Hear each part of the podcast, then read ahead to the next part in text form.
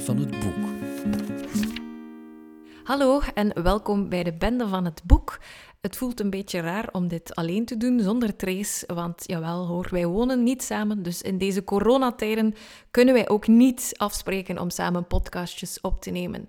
Maar gelukkig hadden we nog uh, een tweetal podcasts voor jullie klaar uh, en moet ik daar gewoon een beetje uitleg bij vooraf inspreken. Eentje die ga je nu horen hierna. En dat is een gesprek dat we hadden met Christophe Vekeman, die normaal gezien van alles zou doen uh, tijdens het Memento Woordfestival. Dat zou plaatsgevonden hebben in het weekend van 20 maart, maar dat helaas dus ja, door de gekende reden is moeten afgelast worden. Maar dat gesprek was zo boeiend dat we dat jullie uiteraard niet wilden onthouden. Er zijn zelfs twee podcasts met Christophe. Uh, de eerste, daarin babbelen we met wat hij wel degelijk van plan was tijdens het Memento Woordfestival gewoon omdat dat interessant is. En ook um, over zijn meest recente roman Cruise. Um, en we hebben het niet alleen over die fantastisch mooie cover. Dus veel luisterplezier met uh, onze eerste babbel met Christophe Vekeman, die we hadden bij hem thuis in zijn fantastisch mooie schuur. Welkom bij een nieuwe aflevering van de Bende van het Boek. Vandaag zijn we opnieuw te gast bij iemand. We worden verwend, Trace. Ja, um, we zitten in het mooiste tuinhuis, mag ik tuinhuis zeggen? Schuur, het is eigenlijk een ah, schuur. ja, de mooiste schuur denk ik die ik al gezien heb, zeker in de binnenstad van Gent. En we zijn hier samen met Christophe Vekeman. Bedankt voor de complimenten. Voor mijn, uh, ik noem het ook als een buitenverblijf. Het is binnen niet veel bij mij, dus ik moet het eigenlijk in mijn buitenverblijf zoeken qua sfeer en uh, ambiance. Ja. ja, dat is wel gelukt denk ik. Ja, zeker. Uh, we zijn hier met thee en Frans Pannekes. En we gaan het uh, kort hebben over Christophe, uh, zijn nieuwe roman, maar vooral over zijn, uh, zijn stapeltje. Ja. ja, Christophe, we zijn hier uiteraard om jou beter te leren kennen als schrijver, maar dat is toch wel allemaal heel toevallig naar aanleiding van het Memento Woordfestival dat volgend weekend in Kortrijk plaatsvindt. En jij hebt daar wel een bijzonder drukke agenda, heb ik begrepen. Ja, ik moet zeggen, het is ook de allereerste keer in mijn leven dat ik in Kortrijk op hotel zal blijven overnachten. dus dat bewijst wel hoe druk het is natuurlijk als u een hotel aanbieden als Gentenaar om in Kortrijk te komen werken of uh, plezier maken. Ja. Uh, ik ga vrijdag, ik denk dat dat een twintigste is, ga ik s'avonds deelnemen aan een zogeheten woordroute samen met Martijn Verhelst. Uh, dat is een jonge aanstormende schrijver. Vervolgens ga ik het hotel bezoeken en Kortrijk onveilig maken natuurlijk eerst. Ben ik wel benieuwd wat het nachtleven van Kortrijk te bieden heeft.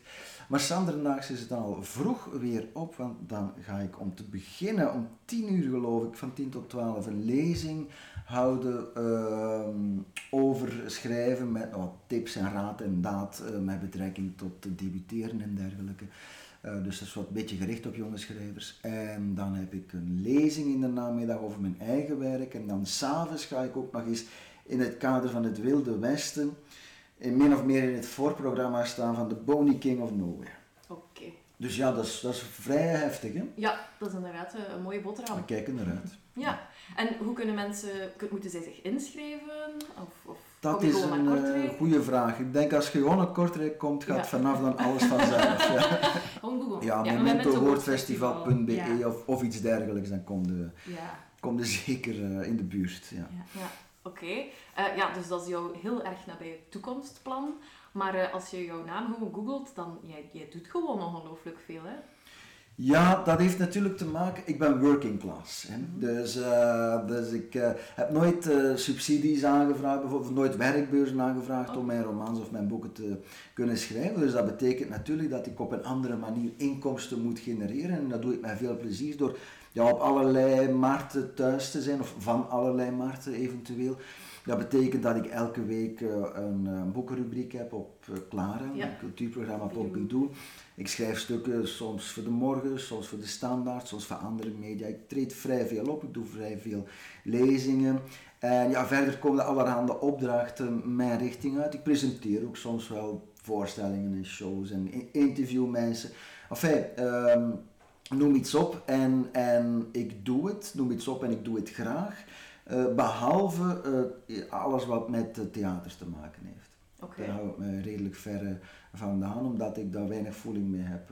ook die hele sfeer van theater en, en dat na de voorstelling nog gesminkt blijven rondlopen in de foyer, daar word ik dus dat, uh, daar heb ik niet, zo, niet zoveel, uh, daar heb ik eigenlijk nooit veel voor gedaan. Ik heb in het begin van mijn carrière, ik ben nu 20 jaar schrijver, ruim 20 jaar, 99 gedebuteerd. En uh, daar heb ik wel een paar keer geprobeerd. Maar dan merkte ik ook wel van ja, ik kan nu wel proberen een theatertekst te maken of een theaterstuk te gaan creëren. Maar als je zelf natuurlijk nooit naar theater gaat, of, of tenzij met frisse tegenzin, ja, dan kan daar natuurlijk niet iets uh, goed uit voortkomen. Dat is zoals een roman schrijven die niet graag leest, dat bestaat niet. Ja, oké. En je zei, je bent 20 jaar bezig. Sissa, ja. Hoe ben je daar dan ingerold? Wel, ik heb zo rond mijn 14e, 15e uh, definitief uh, besloten dat ik uh, professioneel schrijver wilde worden. Ik was toen in die tijd wel graag aan het schrijven. Als eenzaam jongetje dat van geen houtpijlen wist te maken, geen vrienden had, laat staan vriendinnetjes. Zat hij dan de keukentafel uh, te vervaardigen. Maar ehm, mijn allereerste gedicht trouwens, dat heb ik op mijn twaalfde geconcipieerd. Dat ken ik nog uit het, uit het hoofd. Een bruine vlecht hangt daar, het koord dat vecht met het bezwaar tegen zelfmoord. Zo was het, ja. Ik ben het dan ook gaan, ja, gaan voordragen aan mijn ouders en mijn moeder die uh, zei van, ja, ik maak me ernstige zorgen. Ja. dat ze was niet onder de indruk van de literaire kwaliteit, maar uh, eerder van de, laten we zeggen, de teneur van een en ander. Maar mijn vader die trachtte haar toen gerust te stellen met dezelfde woorden die hij vandaag nog altijd gebruikt wanneer hij bijvoorbeeld een roman als Cruise leest. het is allemaal fictie. Ja, dus we hoeven ons uh, ja. niet te sappel te maken. Maar goed, uh, dan ben ik dus 14, 15 en toen dacht ik eigenlijk van ja, god, ik, uh, ik, ik, wil schrijver worden. Dat had ook te maken met bijvoorbeeld het feit dat ik op een bepaald moment Hugo Claus zag op televisie. Met, die zat op een Vespa, die bevond zich te Rome, zo bleek uit het Colosseum op de achtergrond. En achter op die Vespa zat um, iemand die, die die ik later leren kennen als Sylvia Christel, de, de befaamde soft-erotische, uh, van de soft-erotische film Emmanuel. Hè.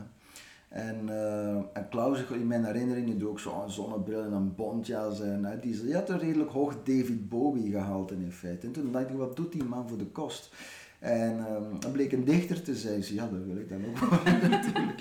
En, en ja, zo is het dan eigenlijk, ja, zo is het bal aan het rollen gegaan. Ben dan uh, psychologie gaan studeren. Uh, omdat ik dacht van ja, de enige psychologische kennis, mensenkennis is nooit weg natuurlijk wanneer je uh, romans wilt schrijven. En ja, dan heb ik de psychoanalyse eigenlijk bestudeerd, Freudiaans, Lacaniaans perspectief. En toen maakte ik mijn thesis, en dat was een psychoanalytische interpretatie van het werk van Jeroen Brouwers, nog altijd een groot idool van mij. En uh, ja, toen merkte ik ook dat, uh, dat ik echt wel op vrij korte tijd een werk van lange adem kon schrijven. Die thesis dus, die, verhandeling. Het is natuurlijk geen roman, maar toch ik merkte dat me dat echt goed afging. Dan heb ik mijn eerste roman geschreven.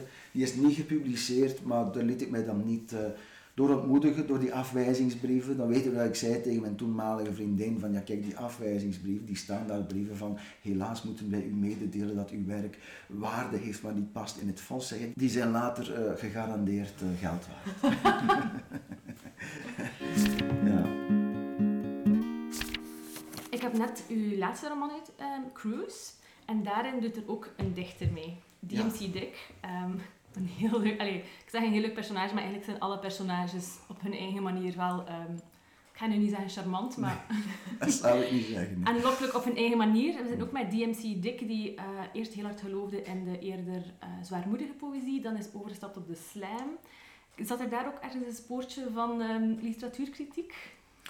Uh, niet zozeer kritiek. Um, ik heb veertien personages in, in Cruise die ik, uh, of in wier hoofd en hart ik uh, afwisselend beurtelings uh, kruip. En uh, waarvan ik dan de gedachten en de gevoelens en dergelijke weergeef. Ehm, en ik ben wel blij dat je zegt dat ze allemaal op hun manier interessant zijn, of het lezen, belezen waard, om het zo uit te drukken. Maar um, de DMC Dick is wel iemand die ik zelf tot de sympathiekste personages, of tot een van de weinige sympathieke personages misschien zelfs reken omdat hij toch, wat mij betreft, zal ik eerlijk toegeven, um, enigszins ehm, een gevoel van herkenning bij mij oproept. Uh, het idee van dat het toch, weet je, dat toch een soort, een soort van jeugdroom dat je voor een zaal staat waarvan uh, de 90% van de mensen, van de aanwezigen, en ik heb het dan over een concertzaal, niet waar, over Paradiso in Amsterdam of Forst Nationaal, en dat op een bepaald moment je gedicht aan het voorlezen bent en dat dan stopt abrupt en je hand achter je oorschelp brengt en de micro naar het publiek steekt, uh, waarop dat publiek dan ogenblikkelijk uit volle borst en volle overtuiging de ontbrekende regels die jij nalaat te zeggen begint te scanderen met de vuist omhoog. Ja, dat is natuurlijk een enigszins overtrokken fantasie, maar tegelijkertijd is een fantasie die mij uit mijn jonge jaren, die ik me nog wel herinner, uh, enigszins. Uh, ik zet het natuurlijk allemaal een beetje aan hier, maar uh, ik vind het is ook heel onschuldig natuurlijk. Er is niks verkeerd aan om zelfs als dichter populair te willen zijn. En geliefd en op handen gedragen. Uh, maar het is natuurlijk ook bijzonder naïef. En uh, ja, wat kritiek, wat niet, dus ook zeker geen kritiek op, want in, in, in aanvang uh, wilde hij, of schreef hij in de traditie, geloof ik, van Leonard Nolens en consorten. En uh, schreef hij dan van die gedichten van, ja, ik loop in mijn voetsporen naar ons toe en dat soort. ja, ja, dat is natuurlijk een beetje parodierend, maar ik heb, nee, zijn, de gedichten, dat is eigenlijk wat DMC Dick betreft zeker een feit. De gedichten die hij vroeger in zijn Leonard Nolens periode schreef, zijn gewoon even slecht als de gedichten die hij nu als slampoet uh, uh, te berde brengt. Dus ja, dat maakt, hem, dat maakt hem, vind ik, ook wel charmant. Ik vind een talentloze dichter eigenlijk op zich altijd charmanter dan een gevierd want hij blijft het natuurlijk wel proberen, dat is wel het mooie eraan. Het blijft het proberen en zonder uh, de plot te willen uh, uit de doeken doen, um, uiteindelijk brengt de poëzie wel de liefde uiteindelijk in zijn leven. Om niet te zeggen dat de poëzie en de liefde zelfs zijn leven redt. Maar nu zijn we heel veel aan het zeggen, maar tegelijkertijd kan het mij niet schelen, want ik vind het toch een belangrijke boodschap voor de mensheid. Liefde en poëzie kunnen uw leven redden. En wie dat niet gelooft, lees Cruise. um, je zei daar net al 14 personages, dat zijn er um, vrij veel. Maar hmm. het mooie eraan is, Cruise, dus die 14 personages zijn allemaal samen op een boot. Uh, dat die mij een klein beetje uh, Agatha Christie aan. Zo van, hey, ze zitten samen op een boot, ze zijn een klein beetje op elkaar aangewezen en niemand ontsnapt aan de plot. Um, en dat is eigenlijk ook wel zo. Een mhm. klein, klein, beetje. Wel, het is in elk geval uh, een feit dat... Dus er is ook een personage dat... Uh, want iedereen heeft zo zijn dromen. Zijn mhm. wilde dromen en eigenlijk doorgaans zijn onbereikbare dromen. Dus DMC Dick droomt van die rockster-achtige roem als dichter. Uh, dan heb je bijvoorbeeld ook iemand, uh, Jan Pierre. En dat is iemand wiens grote idool Hercule Poirot is. en hij droomt ervan om Hercule Poirot qua intelligentie, qua doortastendheid en dergelijke te overtreffen. De lezer weet natuurlijk dat die eh, Jean-Pierre eh, een van de grootste surfbubbels uh, is die ooit lakschoenen aan zijn voeten heeft gehad. Uh, dus dus ja, iemand die eigenlijk grenst aan de, zowel de, ja eigenlijk in al zijn verwatenheid grenst aan de imbeciliteit. Uh, dus die droom gaat niet uitkomen, maar ook hij blijft er, althans een groot deel van de roman, uh, in, uh, in geloven. Dus dat is inderdaad wel een knipoog, die figuur van Jean-Pierre, naar de inspiratie die, dat zeg je goed, Agatha Christie mij wel degelijk uh, heeft ja, aangereikt. want ik ben het boek begonnen te schrijven toen ik met vakantie was in, of all places, Lesbos. Ehm, om het andere jaar ga ik naar een Europees um, vakantieeiland. Uh, en om het andere jaar ook naar Amerika. Dus dat wisselt elkaar een beetje af. En tijdens die eilandvakanties, uh, omdat ik in de loop van het jaar al zoveel meesterwerken niet waar moet degusteren, uh, vermij ik mij met boekjes van Agatha Christie altijd weer. Nu, een heel goede Agatha Christie was dat Het Kromme Huis. Echt een hoogtepunt in het oeuvre. Ik geef het maar mee. Ehm, en dat boek was uit, ik lag aan de rand van het zwembad, het boekje was uit en ja, daar was ik eigenlijk toch wel zeer door geïnspireerd. En um, ja, in de nasleep van die lectuur ben ik eigenlijk in een sfeer van, ja, eigenlijk milde verveling, dolce far niente. Ehm, in een notitieboekje eigenlijk de eerste zinnen en, en ehm, invallen met betrekking tot cruise. ja, en, en ik dacht ook van ja, ik wil, zoals Agatha Christie, ja weet je, je hebt Tien Kleine Negentjes, dat speelt zich af op zo'n onbewoond eiland. Je hebt de Orient Express, je hebt Dead on the Nile en natuurlijk ook met, zo, met een cruiseschip. En van ja, ik wil ook zo'n afgesloten locatie zonder bereik met de buitenwereld. Het betreft een bezinningscruise, dus gsm's en dergelijke en internet en dergelijke. Er is allemaal geen sprake van, dat is zelfs verboden. Uh, om de rust niet te verstoren. Dus dat kwam mij allemaal geweldig goed uit. Ik vond het een heel toffe inval van mezelf, een heel bruikbare inval om, um, om dat zo, en om inderdaad, eigenlijk dit boek had ook in 1920 mhm. zich kunnen afspelen. en dat maakt het eigenlijk toch altijd gemakkelijk, want gsm's die zitten romantechnisch uh, heel, of iPhones, ik noem altijd gsm, heel vaak in de weg. Weet je. je kunt niemand niet meer in een kast opsluiten, want hij pakt zijn gsm en hij is toch uh, in verbinding met politie en dergelijke. Dat vond ik uh, mooi. En dan heb ik nog één iets zeggen daarover, en dan is het dus een hele mooie cover van Cruise. Ik denk dat de mhm. meeste mensen die de laatste half jaar in de boekenwinkel zijn binnengestapt hem wel gaan gezien hebben. Het is een blauwe cover met een cruise op en een, en een donderwolk boven. Dus dat geeft wel aan dat het geen bijzonder leuke cruise wordt.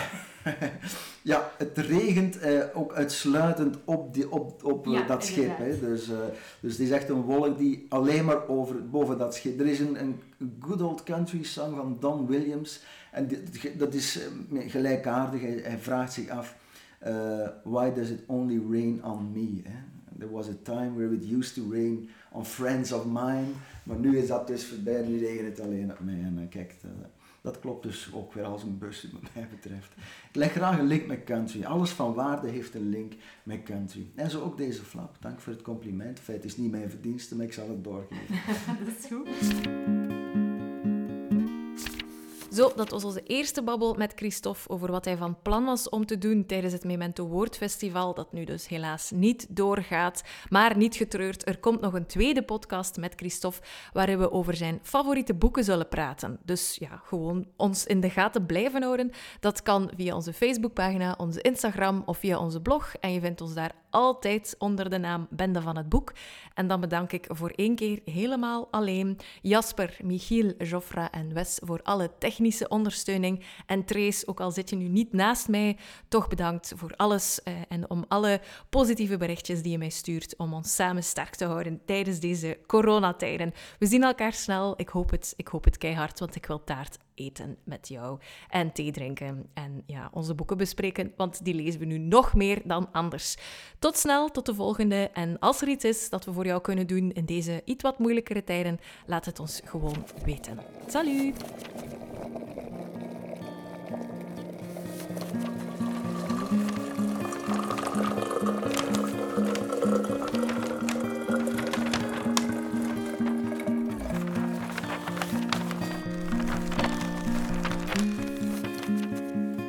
Van het boek.